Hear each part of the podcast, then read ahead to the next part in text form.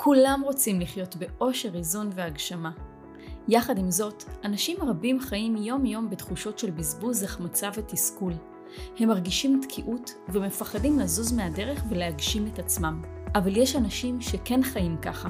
הם פורצים את המחסומים של עצמם, משכתבים את סיפור החיים שלהם, מגשימים את עצמם שוב ושוב, ונראה שאין להם שום עכבות. בפודקאסט לזוז מהדרך תוכלו לקבל הצצה לתוך העולם של אלו שכבר עשו את הקפיצה, ותקבלו את ההשראה והכלים לעשות את זה בעצמכם.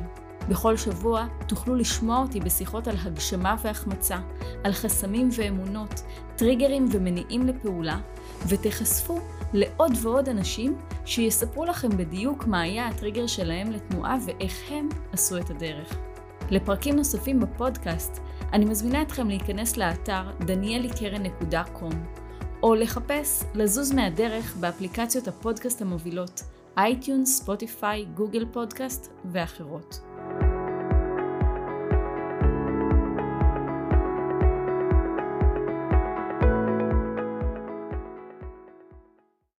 את הפרק הזה אני כותבת רגע אחרי שקיבלתי עוד שיחת טלפון מלקוחה פוטנציאלית שרצתה שאני אצלם אותה. כל כך כואב לי לענות בכל פעם מחדש, אני מצטערת, אני לא מצלמת יותר. ולמה זה כל כך כואב? עסק הצילום, העסק הראשון שלי, היה האור של החיים שלי. ממש מפעל חיים. הוא זה שהחזיר לי את הביטחון בעצמי, שגרם לי להרגיש שאני ראויה ומוערכת. אני גביתי כפול שתיים ואפילו כפול שלוש ממחירי השוק והיומן שלי תמיד היה מלא כמה חודשים קדימה. העסק הזה פרנס את המשפחה שלי בכבוד ואפילו יותר במשך כמה שנים. הזמינו אותי לחו"ל, אני לימדתי אלפי תלמידים, ליוויתי ואני מייעצת עד היום לצלמות ולצלמים. אבל הכל התפרק. אני לא מצלמת יותר. אני עונה כל יומיים שלושה לשיחת טלפון של אנשים שפוטנציאלית היו יכולים להיות לקוחות טובים מאוד ולהמשיך לפרנס אותי בכבוד. אבל זה כבר לא המקרה. בשנת 2019 הגוף שלי בגד בי. אובחנתי עם מחלה אוטואימונית שפוגעת בעמוד השדרה והמפרקים הגדולים. הגוף שלי כבר לא מחזיק את הסשנים שעשיתי עד לפני האבחון. התגובה הראשונית שלי אחרי האבחון הייתה הכל מתפרק לי בידיים. מפעל החיים שלי קורס.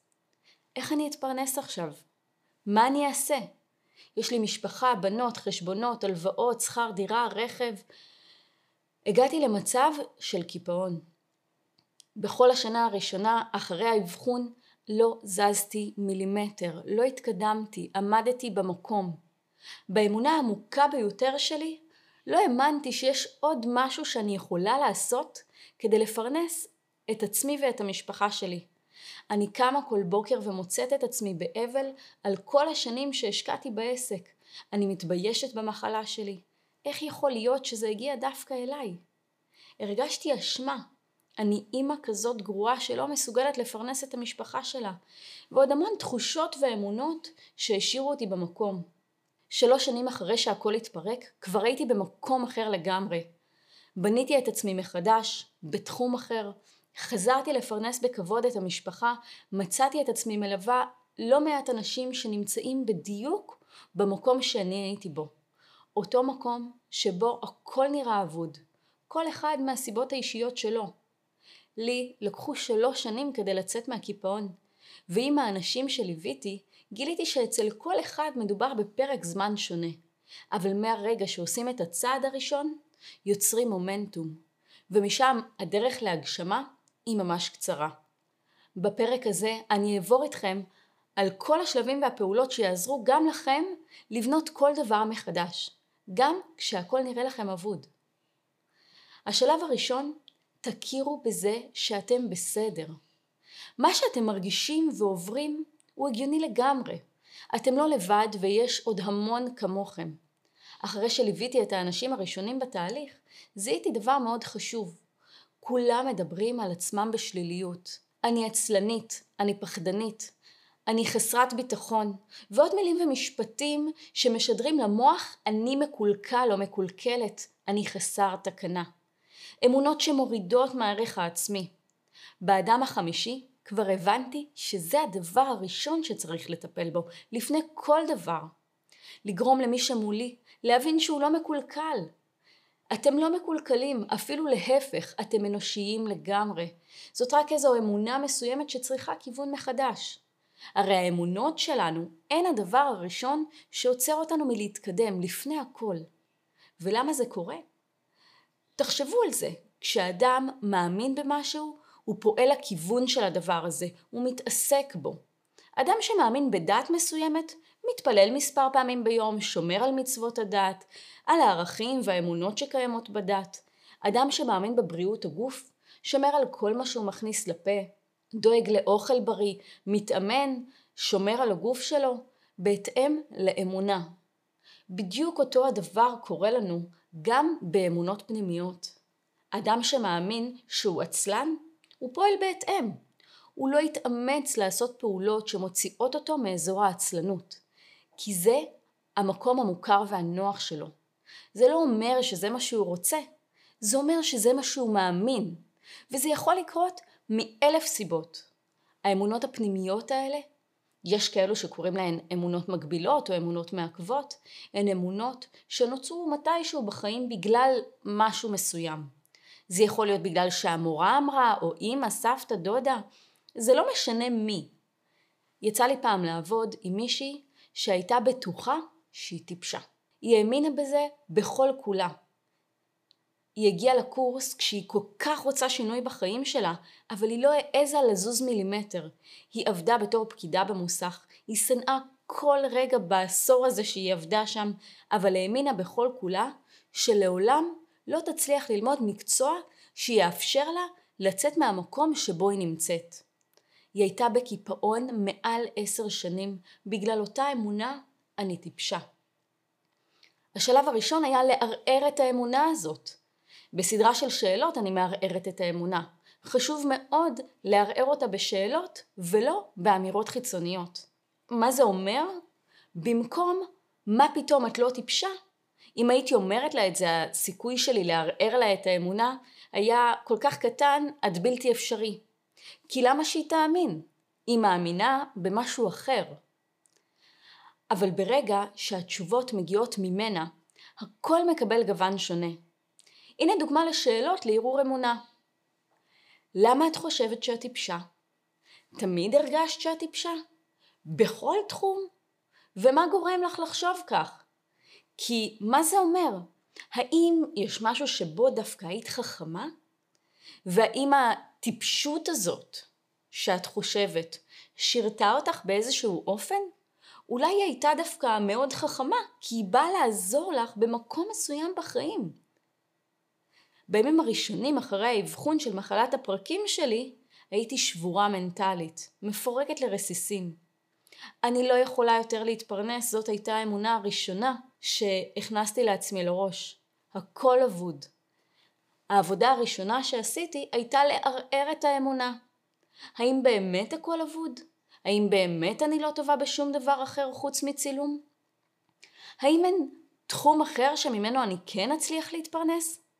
וככה לאט לאט קיפלתי את האמונה הזאת בשאלה ועוד שאלה עד שהגעתי לנקודה שבה כבר הסכמתי שיכולה להיות דרך אחרת. יותר מזה, הבנתי שהצילום היה עבורי חלק מהדרך ולימד אותי כל כך הרבה על מי ועל מה שאני, על החוזקות והיכולות שלי, והוא היה המקפצה שלי לשלב הבא. השלב הבא הוא מה שאני עושה היום. ברגע שמערערים את האמונה בשאלות ואתם עונים בכנות, יש מקום לאמונה חדשה להיכנס. לאמונה שאני בסדר, אני לא לבד. הדבר הזה שהאמנתי בו עד היום היה חלק חשוב ממשהו. אבל אני לא מה שחשבתי עד היום. אני בהחלט בסדר.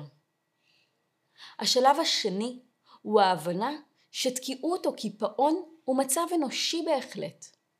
כדי להסביר את המשפט הזה, אני רוצה רגע לדבר על ביולוגיה. המוח האנושי הוא טיפה מיושן, כלומר אין לו עדיין מערכת הפעלה שמותאמת לעולם החדש. הוא עובד ככה שברגע שהוא מזהה סכנה, המוח החושב נכנס למצב המתנה, והמוח המגיב או המוח הזוחלי נכנס לפעולה. המטרה של הפעולה הזאת היא הגיונית לחלוטין. כשאני מזהה סכנה, אסור לי לחשוב יותר מדי. צריך להילחם או לברוח. לפעמים גם קופאים במקום. באנגלית קוראים לזה שלושת האפים fight, flight או freeze. כל פעולה אחרת לא חשובה כרגע למעט הישרדות. בגלל זה המוח החושב נכנס לקיפאון. ברגע שאני נמצאת במצב של אין לי כסף, או לא יהיה לי מה לאכול, או כל אמונה אחרת שמכניסה את המוח שלי למצב הזה של סכנה, אני נמצאת בתודעת הישרדות. אני אומרת למוח שלי, לתת המודע, שכרגע אסור לי לבזבז אנרגיה על פעולות לא מקדמות כמו צמיחה או התפתחות. עכשיו שורדים, וככה המוח פועל, הוא פועל כדי לשרוד. העניין הוא שבעולם של היום הסכנה היא לא אמיתית, היא לא מוחשית. אם אין לכם כסף כרגע, אתם לא תמותו, אתם לא בסכנה אמיתית ומיידית. זה בהחלט מצב שאפשר לתקן כמו עוד כל כך הרבה מצבים אחרים שבהם המוח עובר בטעות למצב הישרדות. ברגע שאנחנו מבינים את הדבר הזה, הדבר הכל כך פשוט הזה, אתם יכולים לאותת למוח שלכם שהכל בסדר, שאתם בשליטה על המצב ויודעים שיהיה בסדר. ככה תאפשרו לעצמכם לצאת ממצב של קיפאון למצב של צמיחה. באחת מסדנאות ה Life Master שהעברתי, קמה אחת המשתתפות ואמרה, אני לא מסוגלת לענות לאנשים, אני מפחדת, אני קופאת במקום, ופשוט לא עונה. הסתבר שהיא נמנעת מכל סוג של תקשורת חדשה. היא מפחדת ללכת לרעיונות עבודה, היא מפחדת לענות לטלפון למספרים שהיא לא מכירה, והיא מפחדת לצאת לדייטים. את כל הדברים האלו היא ממש רוצה, אבל היא מפחדת. היא כן הייתה מספיק אמיצה כדי לעלות לבמה לתהליך ערעור אמונה, כי היא ממש רצתה להשאיר את הפחד הזה מאחור. מה מפחיד אותך בראיון עבודה? אני שואלת אותה. התשובות הראשונות שלה היו לא יודעת. חשוב לי שתבינו, אין אדם שלא יודע. יש אדם שלא רוצה לדעת. כשמדובר בעצמכם, אתם יודעים הכל. אתם אולי לא רוצים לדעת, אולי אתם רוצים להסתיר, אבל אין דבר כזה אני לא יודע על החיים של עצמכם. אוקיי, אז מה מפחיד אותך שיקרה שם? אני שואלת בכל זאת. שאני לא אתקבל, ולמה שלא תתקבלי? כי אולי אני לא מספיק טובה. לא מספיק טובה ביחס למה אני מתעקשת איתה, וככה המשכנו בתהליך זיהוי האמונה עד שהתברר שיש לה חרדה חברתית. לפני הרבה שנים כשהיא הייתה ילדה קטנה היא אובחנה עם חרדה חברתית ומאז היא סוחבת איתה את התיק הכל כך כבד הזה לכל מקום. באותו רגע הבנתי שצריך לערער ולשנות את האמונה. חרדה היא באמת דבר לא פשוט ולא נעים. אבל אם נעצור לרגע ונבין איך ולמה היא עובדת, אפשר יהיה לשנות את האבחון והתיוג הזה לטובתנו. זה הזמן לחזור ולהזכיר את המוח הזוחלי, זה שאחראי על ההישרדות, שמגן עלינו. חרדה לא נוצרת סתם. ילד לא נולד עם חרדה. יש ילדים שנולדים רגישים יותר, ויש כאלו שפחות. לרוב אלו שנולדו רגישים יותר, יהיו בחיים הבוגרים שלהם יותר ביישנים, מסוגרים ואפילו יותר חרדתיים. אבל החרדה היא משהו שנוצר ומתבסס בגלל חוויות מסוימות שילד חווה בחיים שלו, כטראומטיות עבורו. בדרך כלל מדובר באירועים שבהם לא היו לו כלים לענות או להגיב. אנחנו נחזור לשלושת האפים. ברוב המקרים הוא כנראה נכנס למצב פריז, שבו המוח לא יודע איך להגיב לסיטואציה, וסימן את הסיטואציה כמצב מסוכן לתמיד.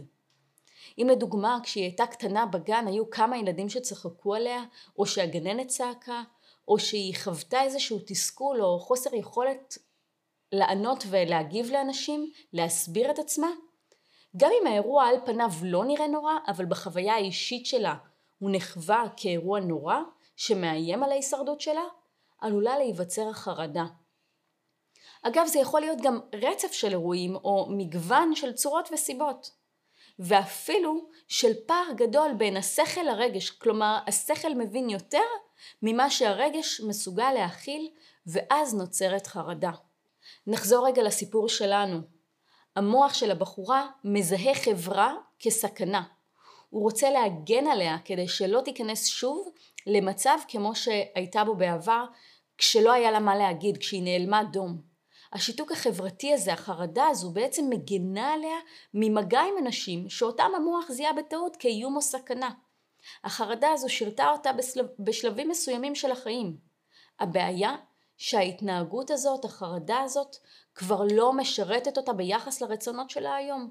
דייטים, רעיונות עבודה ועוד. זה הזמן להגיד תודה לחרדה ששירתה אותה כל כך יפה כילדה ושמרה עליה, על הילדה הרגישה שהיא הייתה מפני סכנה, שמזהירה אותה עד היום, ולפנות מקום לחמלה על עצמה, לקבלה של המצב, ולקבל את הכלים הנכונים בתור אישה בוגרת, להתמודד עם האתגרים שיש לה היום. המסע הזה הוא לא מסע קל, אבל ברגע שיש לה את ההבנה העמוקה של מה הדבר הזה, מה האמונה העמוקה הזאת או ההתנהגות, או במקרה שלה החרדה, באה לעשות בחיים שלה, זה 80% מהדרך שלה לפתרון. אני רוצה לחזור למקרה האישי שלי, ולמה הייתי כל כך שבורה כשהבנתי שלא אוכל להמשיך בצילום. עד גיל 30 הסתובבתי אבודה בעולם. לא מצאתי מקום, לא הצלחתי לבנות זוגיות טובה ולא קריירה. הרגשתי שאני כישלון פשוט בכל תחום. אני זוכרת את הוויכוחים שהיו לי עם ההורים שלי כמעט על כל דבר. אני זוכרת את הכישלונות בלימודים כאילו זה היה אתמול. את המשפט של המחנכת שלי מהתיכון, שבמקרה פגשתי אותה בכיכר העיר מש, משהו כמו שלוש שנים אחרי התיכון.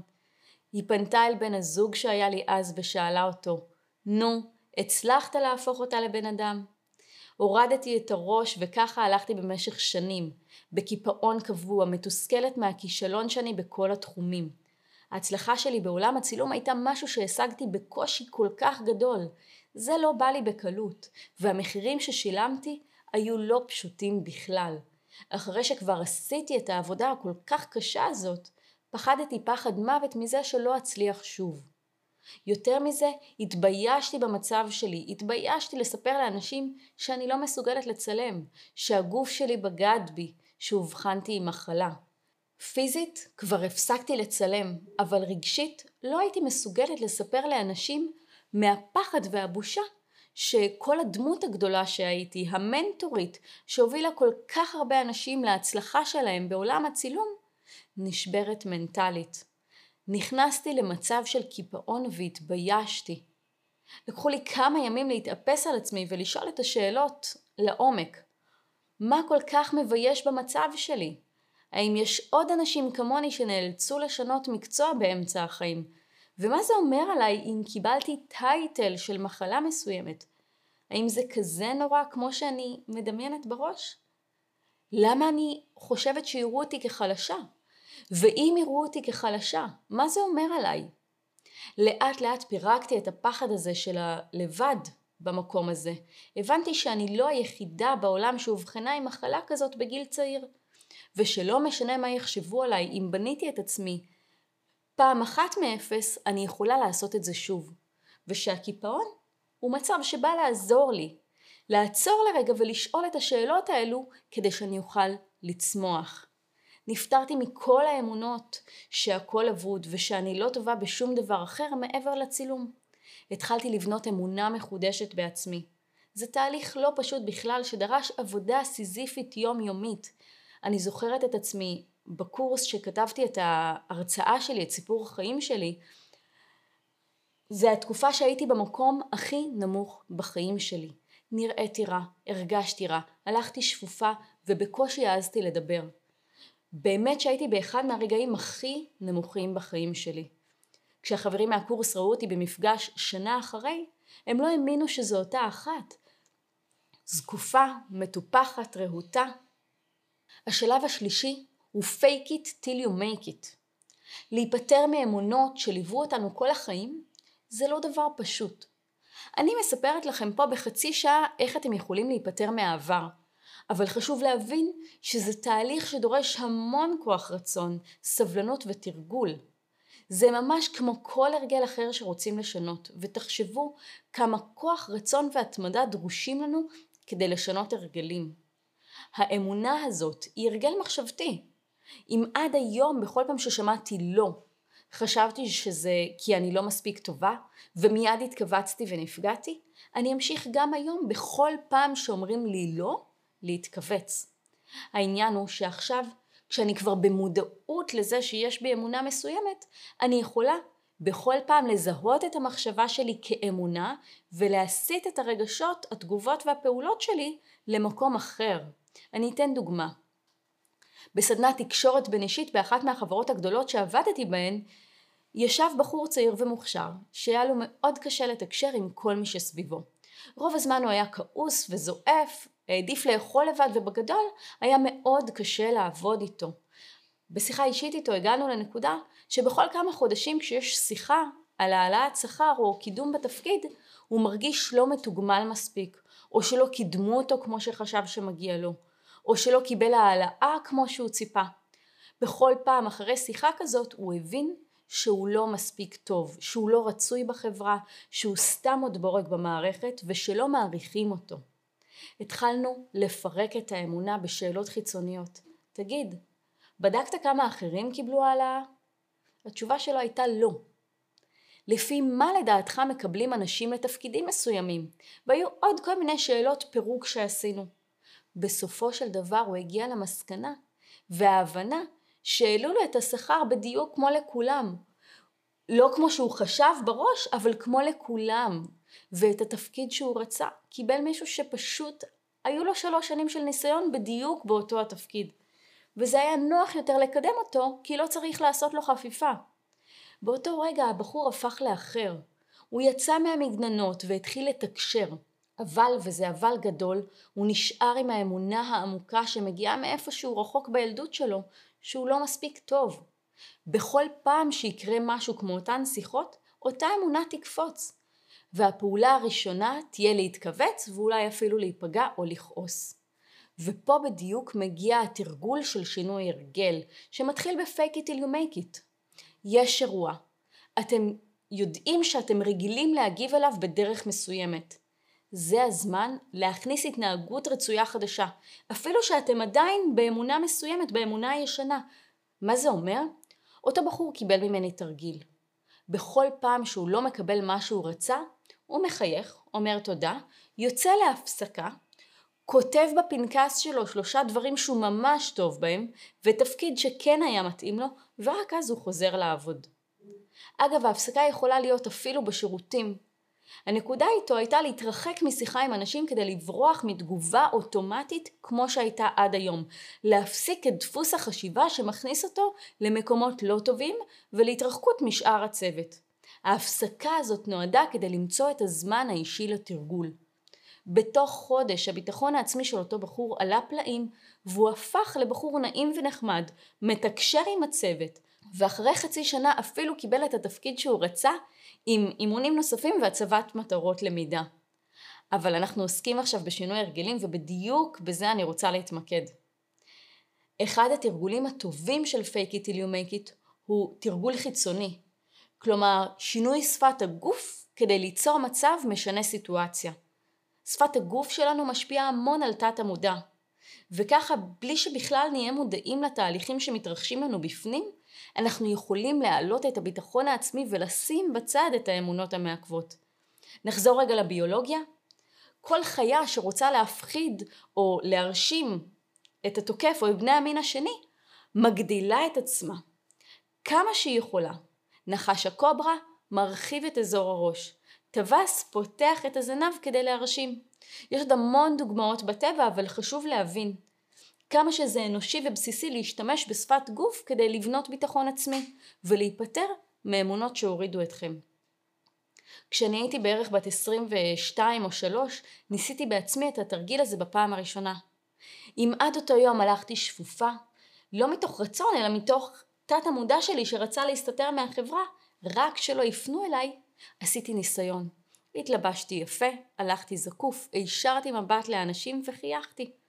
זה אולי היה הדבר הכי קשה שעשיתי בחיים, אבל שמתי לעצמי מטרה, לעשות את התרגיל הזה כל יום חמש עד עשר דקות, כשאני הולכת במקומות זרים עם אנשים שאני לא מכירה. למה עם אנשים שאני לא מכירה? פחדתי שיצחקו עליי. הלכתי בדיזנגוף תל אביב והשתמשתי בתרגיל הזה. התגובות מהסביבה היו מבטים וחיוכים.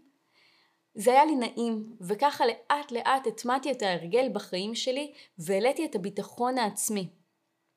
אחרי אותו כתיבת הרצאה שסיפרתי קודם, קיבלתי את הווידאו שלי מההרצאה הראשונה וראיתי את שפת הגוף שלי, את ההליכה השפופה, את הקיבוץ הקבוע. הבנתי שיש לי עבודת עומק והתחלתי עם הפייק. בדיוק כמו אז בגיל 22 או 3 התחלתי עם התרגילים החיצוניים, שפת גוף. בכל בוקר במשך חמש דקות הלכתי עם ידיים למעלה. הכנסתי למודעות שלי את ההליכה היציבה והזקופה. בכל צהריים אחרי ארוחה שוב הרמתי ידיים באוויר. לפני כל שיחה, שיעור או הרצאה שהעברתי, עמדתי חמש דקות ועשיתי תרגילי שפת גוף כדי לגרום למוח שלי להרגיש שאני גדולה יותר. איך גם אתם יכולים להשתמש בשפת גוף כדי לשבור אמונה מסוימת? זהו את המקרים שגורמים לכם להתנהגות הלא רצויה. לדוגמה אם אתם מזהים שפתאום בראיונות עבודה או בדייטים הביטחון העצמי שלכם יורד. עשר דקות לפני הראיון או הדייט תעשו תרגול של הגדלת הגוף דוגמת אה, להעלות ידיים באוויר לתנועת V, ללכת זקוף, להגדיל את בית החזה כדי לשדר לתת המודע שלכם שאתם גדולים. בדיוק כמו אותו טווס שמגדיל את הגוף כדי להיראות גדול יותר ולהרשים. גם אתם תשדרו כך לתת המודע שלכם שאתם גדולים ומסוגלים יותר. זאת עבודה שלא דורשת עבודת עומק, אבל היא בהחלט יכולה לעזור ברגעים שהכל נראה אבוד. כי זה הכי fake it till you make it, וזה עובד. תנסו אותי. שלב 4, אתם האדון של הגורל שלכם. ברגעים שבהם הכל נראה אבוד, נראה שאין לנו שליטה על שום דבר. המכות מגיעות בכל פעם מכיוון אחר ולא צפוי, וכל מה שיש לכם לעשות הוא לשרוד את הסערה ולא ליפול לתהום. לפעמים זה מרגיש כאילו כל העולם נגדכם וכל מה שאתם רוצים זה לשרוד עוד יום בתוך כל הכאוס הזה. נראה כאילו אין מוצא מהמצב, אין נקודת אור אחת שתאיר לכם את הדרך. זה נראה כאילו הגורל מנהל את החיים שלכם, ולא אתם.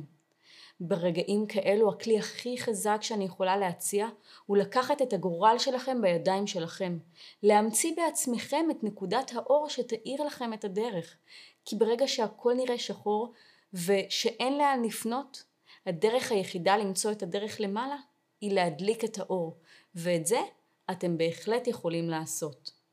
איך עושים את זה? מתחילים בשקט, בנשימות. לנשום פנימה והחוצה. פנימה והחוצה. זה לא דורש הרבה. אתם יכולים לעשות את זה במקום שקט בטבע או בחדר שקט. העיקר שלא יהיו הפרעות כמו טלפון, טלוויזיה או משהו שיסיח את דעתכם.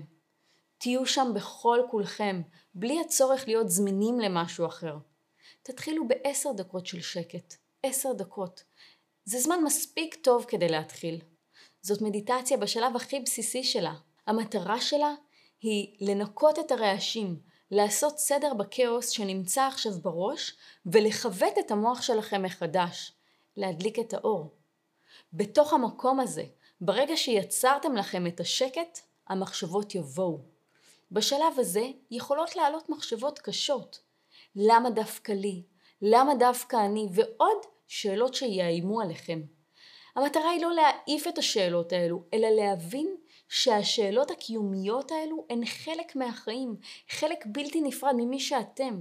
להבין שאין אני, זה לא קרה דווקא לי, אלא זה פשוט קרה, גם לי. אף אחד לא עשה לי דווקא, אלא זה פשוט מצב שנוצר. תתחילו לנווט את המקומות השליליים למקומות החיוביים יותר. כי ההבנה שזה לא קרה דווקא לי, אלא גם לי, זאת כבר ההתחלה של שליטה במחשבות. זה השלב שאתם מתחילים לקבל את השליטה על החיים שלכם ולרכז את הפוקוס דווקא במקומות בהירים יותר, במקומות שאתם בוחרים. יש משפט של פיטר דרוקר שאני מאוד אוהבת. הדרך הטובה ביותר לחזות את העתיד היא להמציא אותו. המשפט הזה הוא כל כך יפה, כי תמונה בו ההבנה שאנחנו אלו שאחראים לגורל שלנו, ואם אנחנו לא יכולים לראות את העתיד, נמציא אותו. כמה עוצמה וכוח יש במשפט הזה. זה רק מחזק את הנקודה הזאת שברגע שתיקחו את השליטה על המחשבות שלכם, תוכלו לבנות את העתיד שלכם, להמציא אותו. הרי כל העולם שאנחנו חיים בו היום הוא משהו שפעם היה חזון של מישהו. הוא המצאה שהייתה למישהו בראש. הרצל חזה את חזון מדינת ישראל, והיום אנחנו פה. תומאס אדיסון יצר בראש שלו חזון של נורות שהאירו לנו את הבתים ויעבדו על חשמל, והיום זה חלק בלתי נפרד מרוב העולם. כשישבתי מול הרופא שבישר לי על המחלה שלי, שאלתי אותו, ותגיד לי, מה עם הגוף שלי? כמה זמן עוד אני אוכל ללכת ולעמוד על שתי רגליים? לא יודע, הוא ענה לי. באותם רגעים הכל נראה לי שחור ואבוד. הדרך הטובה ביותר לחזות את העתיד היא להמציא אותו, נזכרתי. אז ישבתי, והמצאתי לי את העתיד שבו אני ממשיכה לחיות רגיל לצד המחלה. ברגע שיש את ההבנה הזאת שהמחלה לא תנהל אותי, אלא אני אותה, הכל פתאום נראה בהיר הרבה יותר. פתאום הדברים נראים אפשריים. כי ברגע שיש איזושהי מטרה לעתיד, אפשר לבדוק מה הכלים ומה הדרכים שיעזרו לי ליצור את המציאות החדשה הזאת. ההבנה שהגורל שלי בידיים שלי, ולא של מישהו או משהו אחר, היא מה שמדליק את האור, מה שנותן את הכוח, מה שנותן את המשמעות להמשיך ולחיות בהצלחה ואושר. כשהכל נראה אבוד, אלו הרגעים הכי קשים שיצמיחו אתכם הכי הרבה. זה מתחיל בקיפאון, ממשיך בהבנה שאתם בסדר, בקבלה של המצב שבו אתם נמצאים, שתקיעות היא אנושית לגמרי. ואז תזייפו, fake it till you make it, ובסוף תרימו את הראש למעלה למעלה, מחוץ למצב, וקחו את הגורל שלכם לידיים שלכם.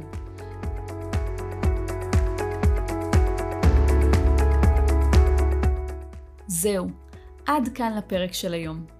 אם אהבתם את הפרק, אל תשכחו לדרג את הפודקאסט באייטיון, Spotify, Google Podcast, SoundCloud, YouTube או בכל פלטפורמה אחרת שדרכה אתם מאזינים לנו כרגע. אני מזמינה אתכם לכתוב לי תגובות, מה אהבתם, את מי תרצו לשמוע בפרקים הבאים, או כל שאלה, הערה והערה אחרת שיש לכם. אני מזמינה אתכם לשלוח לי ישירות דרך הצור קשר באתר שלי, danielikeren.com, ואפשר גם באינסטגרם שלי, it's קרן דניאלי. אם אהבתם את הפרק הזה, אל תשאירו את זה רק לעצמכם. אני בטוחה שיש לכם חברים שרוצים גם הם להגשים את עצמם, שתפו אותם ושילחו להם את הפרק הזה. מוזמנים גם לשתף ולתייג אותי ברשתות החברתיות. אני קרן דניאלי, שמחה שהאזנתם, ונשתמע בפרק הבא.